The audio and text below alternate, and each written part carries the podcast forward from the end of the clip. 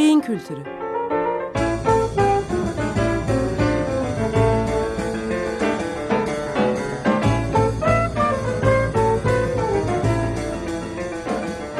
Tarihten, sanattan ve edebiyattan örneklerle beyin.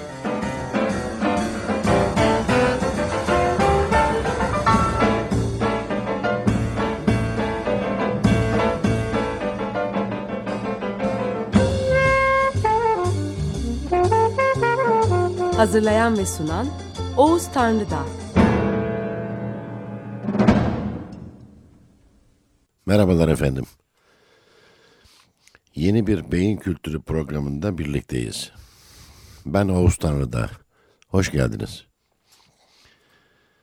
Ben bu programda elimden geldiğince son dönem beyin araştırmalarından süzülerek beyin kültürü içine katılan ve bu katılma dolayısıyla hayatımızın çeşitli yönlerine dair alternatif bir açıklama biçimi haline gelen ya da yavaş yavaş gelmekte olan bilgilerle ilgili örnekler sunacağım. Bunu yapmaktayken çok iyi biliyorum ki yeni olan her bilgiye karşı oluşan ve evrimsel temeli olduğuna inandığım bir tavır söylediklerimin anlaşılmasında ve daha da önemlisi kabul edilmesinde bir sorun olarak ortaya çıkacaktır. Çünkü evrim psikolojisi ve onunla birlikte gelişmiş olan sosyal psikoloji bize her türlü davranışın şekillenmesinde ve genel bir öğrenme ve uygulama modeli haline gelmesinde grup psikolojisinin belki de en önemli faktör olduğunu gösteriyor. Tabii grup psikolojisi denilince de ilk akla gelen kavram grubun ağırlıklı olarak düşüncesini ve davranışını sembolize eden ortak düzlemlerin, paradigmaların varlığı ve önemi oluyor. İster sosyal, isterse de bilimsel alanlarda olsun, hakim olan paradigma, onun oluşması için sarf edilen zaman ve emeğin doğal bir türevi olarak geçmişi ve eskiyi temsil etme işlevine sahiptir. Yeni olanın grup psikolojisini temsil eden hakim paradigma ile bitmez tükenmez biçimde süre giden kavgasının kaynağında bu var. Şimdi bu çatışmayı konumuzla ilgili olarak özelleştirmeye çalışalım. İnsanlığın deneyim ve bilgi birikiminde şöyle bir sıralama var. Tarih boyunca ne zaman ki yeni bir olgu gündeme gelip toplumu ilgilendirmeye başlasın, o olgu öncelikle bir grup direnciyle karşılaşır. Geçmiş dönemlerin deneyimlerinden elde edilmiş olan bilgiyle açıklanmaya çalışılır. Bu doğal bir şekilde işleyen bir red dönemidir. Ardından ne zaman ki yeni deneyim ve bilginin etrafında bir grup grup oluşmaya başlar ve bu grubun niteliği ve daha önemli olarak da niceliğine bağlı olarak yeni bir ortak düzlem, yeni bir paradigma kendini belli etmeye başlar. Bugüne reddin baskın olduğu ama ilk dönemden farklı bir çatışma dönemini başlatır. Daha sonra ise zamanla, mekanla, toplumuna ve kültürüne göre değişen hızda bir kabullenme dönemini getirir. Kabullenme döneminin içinde baskın hale gelmiş yeninin yanı sıra eski hiçbir zaman yok olmaz. Ancak biçim değiştirerek sürer. Tarih boyunca tarihsel, toplumsal, kültürel ve bilimsel düşüncelerin ve davranışların anahtar formülü budur. Bu formülün işlemesindeki sıkıntılar, yeninin toplumsal organizasyonuna engel olma, onu yavaşlatma, baskılama ya da yeni denilenin hızının arttırılarak bu hızın eski üzerinde bir baskı unsuru olarak kullanılması toplumsal harmoniyi bozar. Toplumları hastalandırır. Çünkü eski ve yeni toplumsal düzlemde sosyolojik ve kültürel kodlara sahiptir.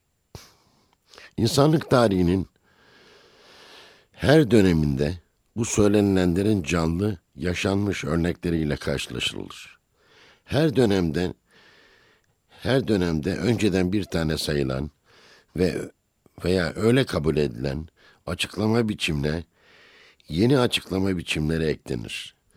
Bu yaklaşım biçimlerinin tekil örneklerine elbette ki çok daha eskilerden beri rastlanır. Ancak bunların grup psikolojisi ve kültürü içine girmesi çok daha sonradır. Beyin kültürü açısından bu açıklama biçimleri davranışsal ve biyolojik kökenli açıklama biçimleridir. Öncelikle kendini belli eden davranışsal olandır. Ve daha önceden beri iyonlar için, kitleler için açıklama getirme savında olan sosyal paradigmaya karşı bireysel olanı açıklamaya çalışan bu davranış bilimleri bu paradigmayı ortaya koyar. Yani artık her şey e, toptan, e, sürüsel ve tek bir açıklamaya sahip değil. Bir grup bir de birey bazında iki açıklama e, ile e, ortaya konacaktır. Örneğin bu açıklama biçiminin sahneye çıkmasıyla daha önceden herkes için aynı olan bir değerlendirme kişilik yapılarına göre değerlendirilmeye başlanır. Abartılan ve herkese aynılaştıran bir sosyal açıklama biçimi her bireye göre farklılık göstermeye başlar. Sahneye çıkan bir diğer açıklama biçimi ise bu kez davranışsal olanı biyolojinin gözüyle görme yaklaşımıdır. Beyin üzerindeki ilk otopsilerin 1860'larda başlamasıyla birlikte önce konuşma, ardından anlama, daha sonra ise okuma ve yazmanın beyindeki merkezleri tanımlanır. Böylelikle belli bir sıra içinde üç açıklama biçimi sıralanır. Konumuz dil olsa bile sosyal bilgiler üzerinden açıklama, davranış bilimleriyle ilgili açıklama ve nörobiyolojik açıklama.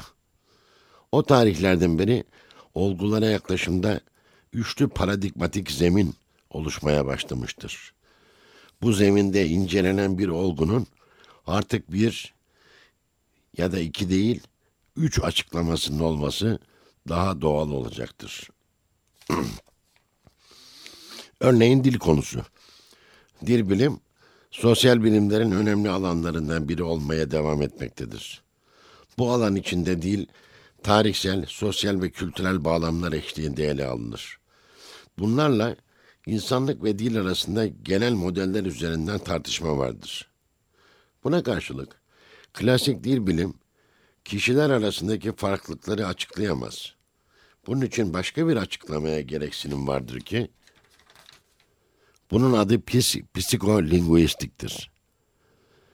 Burada dil bir davranış biçimi olarak ele alınır ve bireyler arasındaki farklılıklar bu yolla incelenir.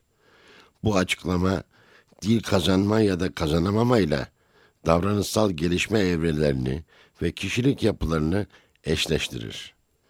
Ve tabii yeni bir açıklama biçimidir. Ve son 30-35 yıl içinde e, giderek bireysel farklılıkları daha da fazla açıklamaya yer ayırmaktayız. Ancak ikinciyle birlikte daha sonra devreye giren son 30-35 yıldır bir üçüncüsüyle yani biyolojik temelli açıklama biçimiyle ilgili önemli gelişmelere e, şahit oluyoruz. Yeni teknolojiler eşliğinde yapılan beyin araştırmaları bir yandan davranış bilimlerini, diğer yandan da sosyal bilimleri tamamlayıcı bilgiler üretmektedir. Örneğin davranış bilimleriyle ilgili ilgili davranış nörobilimi, sosyal bilimlerle ilgili olarak da sosyal nörobilim gibi. Yani nörobilim ve özündeki beyin araştırmaları artık kaçınılmaz bir şekilde her şeyin içine sızmaktadır. Şimdi bu uzunca girişten sonra dilimizin altındaki baklayı çıkaralım ve sözü nereye getirmek istediğimizi söyleyelim. İnsan türünün tarihindeki ve bugünündeki her sistemli davranış ve düşünce biçiminin bir değil üç açıklamasının olduğunu varsayıyoruz. Sosyal bilimler açıklaması, davranış bilimler açıklaması ve nörobilim açıklaması. Bunu yapmaya çalışırken kimi indirgemecilerin yaptığı gibi her şeyin başına nöroeki getirmekten söz etmiyoruz. Çünkü bu yaklaşım üç açıklamanın olduğu bir zemini yeniden tek bir açıklamaya indirgemek olur. Son yıllarda her türlü sosyal bilim ve davranışsal bilim alanının başına nöro ekleme ee, gerçeklerden çok bir çeşit modaya kapılma anlamını taşıyor. Tabii ki ee, ciddi bir şekilde rahatsızlık uyandıran bir indirgemeci anlayıştır. Ancak şunu da söylememiz gerekiyor. Mevcut bilgilerin el verdiği ölçüde mümkün olduğu kadar nöro kökenli bilgilerden söz edeceğiz. Bu programın özünde bu var. Zira incelenen konuyla ilgili en yeni ve nesnel bilgiler aslında nöro cephesinden geliyor. Beyin kültürü bu açıklamaları mümkün olduğunca çok insanın bilgileri arasında katıldığı bir evreyi temsil ediyor. Bu evreye henüz ulaştığımızı söyleyemeyiz. Ele almayı düşündüğümüz konular sırasıyla ve programlar boyunca insanın ekonomik faaliyetlerinin, ahlaki tavır ve davranışlarının, inanma olgusunun ve politik tavır ve davranışlarının beyinsel temelleri. Bütün bunlara sosyal nörobilim adı veriliyor. Eğer bu konulardaki bilgileri aktarabilmeyi başarırsak, yeni bir insan teorisine doğru giriş yapmış olacağız. İnsanın ekonomik faaliyetleriyle başlayalım. İnsanın ekonomik faaliyetleri geleneksel olarak iktisat biliminin temel uğraş alanını oluşturur. Dolayısıyla iktisadi faaliyetlerle ilgili sorularda nereye ve kime başvurulacağı bellidir. Bu geleneksel paradigmaya rağmen iktisadi faaliyetler sırasında insanlar arasında neden farklılıklar çıktığı, bazı insanların neden ticarete yatkın, bazılarının ise neden ticaretten anlamaz oldukları konusu boşlukta kalır. Bu boşluklar çoğu kez eski paradigma doğrultusunda türetilen efsaneler tarafından doldurulur. Örneğin Yahudilerin ticareti yatkın olduğu söylenir ve tabii ki gerçektir. Ama neden bazı Yahudilerin bu işten anlamak istemedikleri, anlamadıkları veya başka işle uğraştıkları konusu ele alınmaz. Aynı şey bizde Kayseriler için de söz konusudur. Bütün yapılan genellemeler, bütün yapılanlar genellemelerdir.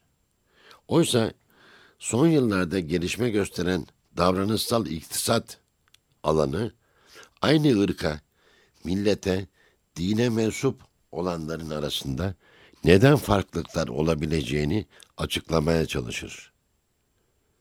Ve öyle bir güçlü alan olarak ihtiyaç duyulan bir alan olarak gündeme gelmiştir ki kendisi psikoloji psikoloji e, psikolog olduğu halde ve insan davranışları ile ilgili araştırma yaptığı halde e, Amerikalı Yahudi kökenli e, psikolog Daniel Kahneman Nobel Ekonomi Ödülünü kazanmıştır. İnsanın ekonomik davranışlarına getirdiği açıklamalar dolayısıyla. Klasik ekonomi teorisine göre herkesin en yüksek kâra ulaşma gayreti doğaldır ve Adam Smith'in teorisi buna dayanır. Bu böyle kaldığı sürece herkes için önerilen genel şablon budur. Ancak gerçek hayattan daha az kar düşkünü ya da daha yardımsever insanlar olduğunu her gün görüyoruz ve biliyoruz. Bunun nedeni neden böyle olduğunu davranış bilimleri ve beyin araştırmaları söyleyebilir. Gerçekten de işlevsel manyetik rezonans denilen fMR diye kısaltılan yeni tekniklerden birisi kullanılarak ticari ilişkiler ve kar paylaşımı senaryoları yoluyla sınanan insanların kar ve paylaşım farklılıkları göstermeleri sırasında beyinlerinde farklı etkilenmeler gözlendiği bildirilmektedir. Bu deneyler sırasında bazı insanlar klasik teori tarafından öngörülmeyen davranışlar içine girmekte, varsayılandan daha az kar istemekte ve elindekini karşısındakiyle varsayılandan daha fazla şekilde paylaşmaktadır. Denilebilir ki bu gibi insanların farklı kişilik yapıları ve farklı beyin tepkileri iktisadi davranışlarla etki etmektedir. Son yılların beyin araştırmaları iktisadi ilişkileri yönlendiren beyin bölümleriyle ilgili bilgiler sunmaktadır. Bunları söyleyerek bugünkü programımızı ilerletmeye çalışacağım. Ee, bir süre soluklanalım dostlar. Kısa bir ara veriyorum.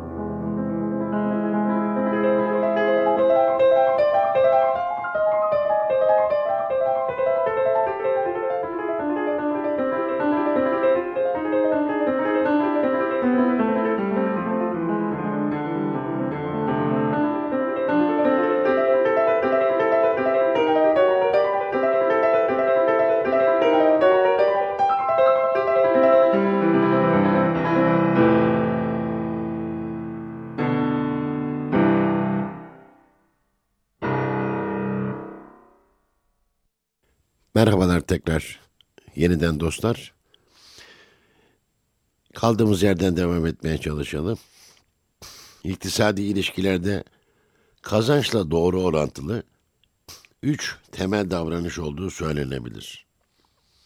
Bunlar risk alma, karar verme ve risk alırken ve karar verirken duyguları kontrol altında tutmadır. Herkesin kolaylıkla tahmin edebileceği gibi bunları doğru kullanan ekonomik ilişkilerde kazançlarını arttırabilir. Bunlara duygularını karıştıran veya yeterince e, inisiyatif kullanmayan insanlarda da kolay bir çözülme görülebilir. Bunların her birini yönlendiren beyin yapıları olduğunu artık biliyoruz.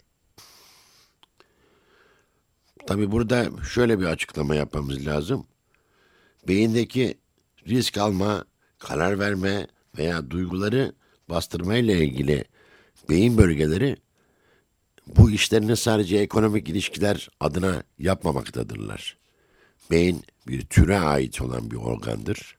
İnsan türünün genel davranışlarına göre şekillenmiştir. Dolayısıyla e, sosyal ilişkilerde, politik ilişkilerde, o etik e, ilişkilerde risk, karar ve duyguları karıştırıp karıştırmama meselesi bu genel beyin modeli içinde yer alır. Dolayısıyla beyinde daha sonraki konular geldiğinde e, tekrar tekrar söyleyeceğim. E, çünkü bazı insanlarda bu tür yanılgılar var. E, davranışına göre davranışına göre beyinde merkez arama yaklaşımı vardır. E, hemen söyleyeyim dostlar. E, bu eskimiş bir düşüncedir ve e, 200 yıl önceye ait olan bir düşüncedir. Ama e, bugünkü bilgilerimize ulaşmak adına e, ciddi bir aşama teşkil etmiştir. Ama buradan geriye dönme filan diye bir şey söz konusu değildir. Yani şunu söylemeye çalışıyorum. Beynin belli bir bölümü sosyal ilişkilerde e, ilgili bir alandır. Beynin başka bir bölümü e, matematikle ilgili bir alandır. Beynin başka bir bölümü etik davranışlarla böyle bir şey yok. Bazı karar odakları var ve bazı işlevleri yürüten bölgeler var. Bu insanın için içine girdiği her türlü işte kategorik olarak karar verme ve o çıktığı sağlamak üzerine e, üzere yapılanmıştır. Benzer bir şekilde beyinde e, kişinin kendi inandığına uygun bir merkez arayışı da zaman zaman dikkatimi çekiyor. Böyle bir şey de yoktur. Eğer bir şeye e, inanmayla ilgili bir beyin bölgesi arıyorsak bu her şeye inanmak ve inanmamakla ilgili e, öne çıkan bir beyin bölgesidir. Sadece bunu kategorize etmeye çalışmak e, doğru bir yaklaşım değildir. Çünkü insan beyni yapı olarak ve işlev olarak bize bir model sunmaktadır ve biz bu modeli insan davranışlarını açıklamak için kullanıyoruz. Devam edelim. Diğer bir ifadeyle beyinde nerenin risk almayla, nerenin karar vermeyle, nerenin de duyguların kontrol edilmesiyle ilgili olduğunu biliyoruz. Biraz önce söylediğim gibi genel kategori olarak. Dolayısıyla artık bazı hastalıklar sırasında bu işlevlerin neden bozulduğunu da biliyoruz. Yani mesleği nöroloji olan e, doktorların e, bazı hastalıkları sırasında hastaların gösterdiği davranışları anlayabilmeleri için bu bilgileri özümsemeleri gerekiyor. İki hastalık örneğiyle e, bitirmeye çalışalım. Alzheimer hastalığında zaman zaman yanlış risk alma ve karar vermelerinin yaşandığı, hastaların evlerine kendilerini dolandıran insanları alıp çek senet imzalattıkları veya kendisinin imzaladıklarını, bazı Parkinson hastalarının ise duygularını kontrol sıkıntısı yaşarken marketlerden kendilerini heyecanlandıran malları izinsiz alabildiklerini biliyoruz. Gerçi Parkinson hastalığında bu tür bir davranışı hastalara verilen ilaçların içinde olan dopamin maddesi yaratıyor veya oradan kaynaklanıyor diyenler de vardır. Ama orada bir mekanizma bozukluğu söz konusudur. Son yıllardaki gelişmelerle insanların gerçekten ne, nelerle uğraşırken heyecan duyduklarını, neleri daha hızlı ve kolay öğrendiklerini, meslek olarak ne, nere, nelere yatkın olduklarını, tarihte ilk kez olmak üzere sosyal bilimlerin öngörüleri ve davranış bilimlerinin tahminleri eşliğinde ve dışında beyin yapılarına danışarak anlama şansına artık sahibiz. Nitekim son yapılan beyin araştırmaları bize Adam Smith'in genel ekonomik beklentilerle ilgili görüşünün ve Freud'un bilinçaltı ile ilgili genel şablonun dışında bazı insanların bu şablonların dışında davranabildiğini ve davranış örüntüsünü bu şekilde oluşturduğunda göstermektedir. Bu insanları deney e, ortamlarında FMR dediğimiz cihazın içine soktuğumuz zaman gerçekten kimin daha fazla kimin daha az etkilendiği beyindeki bölgelerin e, kan almasıyla o bölgelere giden kanın miktarıyla ölçülmektedir. İyi haftalar dilerim. Hoşçakalın. Beyin Kültürü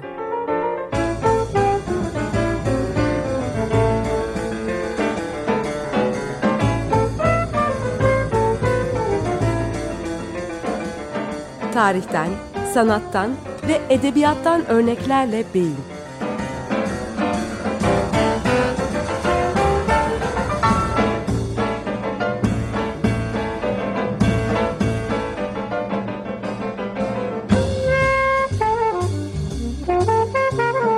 Hazırlayan ve sunan Oğuz Tanrıdağ.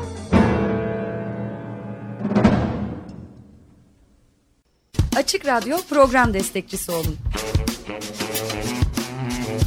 Bir veya daha fazla programa destek olmak için 212 alan koduyla 343 41 41